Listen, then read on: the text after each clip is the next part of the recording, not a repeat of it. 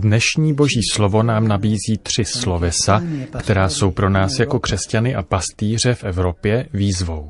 Riflettere, ricostruire, vedere. Reflektovat, obnovovat a vidět. K reflexi nás pán vybízí především prostřednictvím proroka Agea. Vezměte si k srdci své cesty, opakuje dvakrát svému lidu. Nad jakými aspekty svého chování by se měl boží lid zamyslet? Poslechněme si, co říká pán. Je snad čas k tomu, abyste si bydleli v domech vykládaných dřevem, zatímco tento dům je v troskách? Lidé se po návratu z vyhnanství věnovali úpravě svých obydlí a nyní si spokojeně sedí doma a tiše se usadili, zatímco boží chrám je v troskách a nikdo ho neopravuje.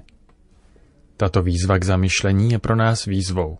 My křesťané jsme totiž i dnes v Evropě v pokušení být pohodlní ve svých strukturách, ve svých domovech a kostelích, v bezpečí, které nám poskytuje tradice, v uspokojení z určitého koncenzu, zatímco všude kolem nás se chrámy vyprazdňují a na Ježíše se stále více zapomíná.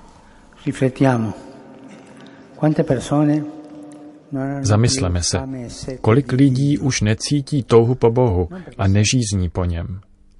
Ne proto, že by byli špatní, to ne, ale protože není nikdo, kdo by jim dodal chuť k víře a roznítil žízeň, která existuje v lidském srdci, onu vrozenou stálou touhu, o níž mluví Dante Alighieri.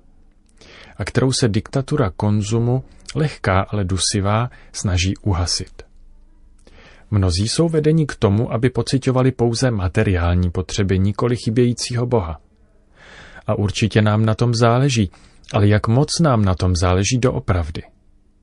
Je snadné odsuzovat ty, kdo nevěří, je pohodlné vyjmenovávat důvody sekularizace, relativismu a mnoha dalších izmů, ale nakonec je to neplodné. Boží slovo nás vede k zamyšlení nad sebou samými. Cítíme náklonost a soucit s těmi, kteří ještě nezažili radost ze setkání s Ježíšem, nebo ji ztratili? Jsme klidní, protože nám konec konců nechybí nic, pro co bychom mohli žít? Nebo nás trápí, když vidíme tolik bratří a sester vzdálených od Ježíšovy radosti? Hospodin prostřednictvím proroka Agea žádá svůj lid, aby se zamyslel nad jinou věcí. Říká, jen jeste, nenasytíte se, jen pijte, žízeň neuhasíte, jen se oblékejte, nezahřejete se. Lidé měli, co chtěli, ale nebyli šťastní. Co jim chybělo? Ježíš nám to naznačuje slovy, která jakoby připomínala slova Agea. Hladověl jsem a nedali jste mi najíst. Žíznil jsem a nedali jste mi pít. Byl jsem nahý a neoblékli jste mě. Nedostatek lásky způsobuje neštěstí, protože srdce naplňuje pouze láska. Obyvatelé Jeruzaléma, uzavřeni ve svých vlastních zájmech, ztratili smysl pro štědrost. To může být i náš problém. Soustředit se na různé pozice v církvi, na debaty, programy a strategie a ztratit ze zřetele skutečný program, program Evangelia, podnět lásky, zápal bezplatnosti. Cestou z problému a uzavírání se je vždy dar zdarma daný. Žádná jiná neexistuje. Uvažujme. E dopo aver riflettuto c'è il secondo passaggio, ricostruire. Po zamyšlení následuje druhý krok, obnova. Obnov můj dům, žádá Bůh skrze proroka. A lid obnovil chrám. Přestávají se spokojovat s klidnou přítomností a pracují na budoucnosti. To je to, co stavba společného evropského domu potřebuje. Oprostit se od vymožeností současnosti a vrátit se k prozíravé vizi otců zakladatelů, prorocké a komplexní vizi. Protože oni nehledali momentální konsenzus, ale snili o budoucnosti pro všechny. Tak to byly postaveny zdi Evropského domu a jen tak mohou být posilovány. To platí i pro církev Boží dům aby byl krásný a pohostinný. Musíme společně hledět do budoucnosti, ne obnovovat minulost. Musíme ovšem začít od základů, protože právě tam můžeme stavět znovu. Od živé tradice církve, která je založená na podstatných věcech, na radostné zvěsti, na blízkosti a na svědectví. Odtud se obnovujeme, od základů církve počátků a všech dob, z adorace Boha a lásky k bližnímu, nikoli z vlastního partikulárního vkusu. Drazí bratři, chtěl bych vám poděkovat za toto nelehké dílo obnovy, které vykonáváte s boží milostí. Děkuji vám za těchto prvních 50 let služby církvy a Evropě. Povzbuzujme se navzájem, aniž bychom kdy propadali sklíčenosti nebo rezignaci. Pán nás povolal k velkolepému dílu a k práci na tom, aby jeho dům byl stále přívětivější, aby do něj mohl každý vstoupit a žít v něm, aby církev měla dveře otevřené pro všechny a nikdo nebyl v pokušení soustředit se jen na hlídání a vyměňování zámků. Izraelský lid obnovil chrám vlastníma rukama.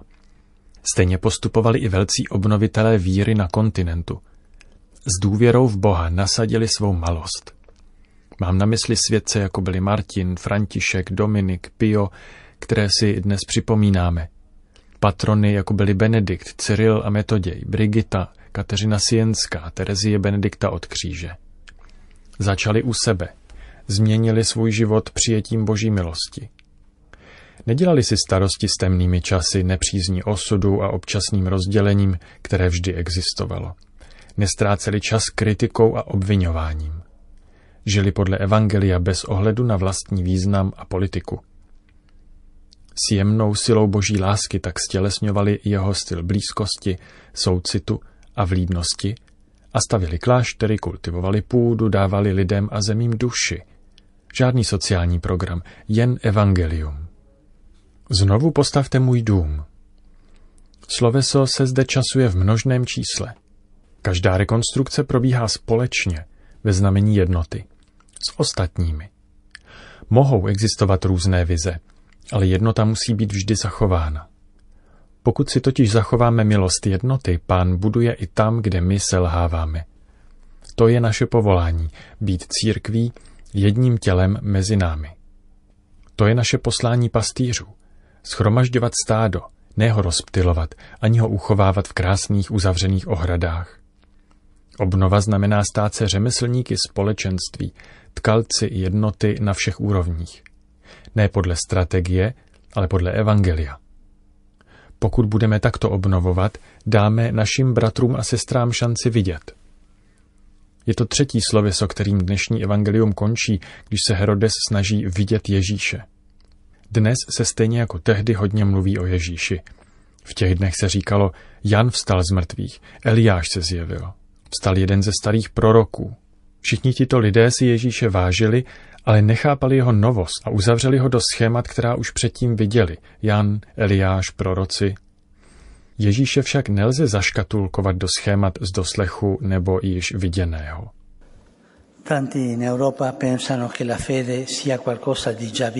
Mnoho lidí v Evropě si myslí, že víra je něco již viděného, že patří minulosti. Proč?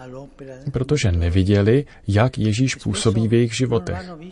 A často ho neviděli, protože jsme ho ve svém životě dostatečně neukázali my. Protože Bůh je vidět ve tvářích a gestech mužů a žen, které jeho přítomnost proměnila. A pokud křesťané, místo aby vyzařovali nakažlivou radost Evangelia, předkládají opotřebované intelektualistické a moralistické náboženské systémy, lidé nevidí dobrého pastýře, Nepoznávají toho, který v lásce ke každé ze svých ovcí volá jejich jména a hledá je, aby je položil na své rameno. Nevidí jeho, jehož neuvěřitelné utrpení hlásáme. Právě proto, že má jen jednu vášeň, člověka. Tato božská láska, milosrdná a ohromující, je trvalou novinkou Evangelia. Od nás, drazí bratři, žádá moudrá a odvážná rozhodnutí ve jménu bláznivé něhy, s níž nás Kristus zachránil. Nechce po nás, abychom dokazovali, ale abychom ukazovali Boha. Jak to dělali svatí, ne slovy, ale životem. Žádá modlitbu a chudobu. Žádá tvořivost a bezplatnost.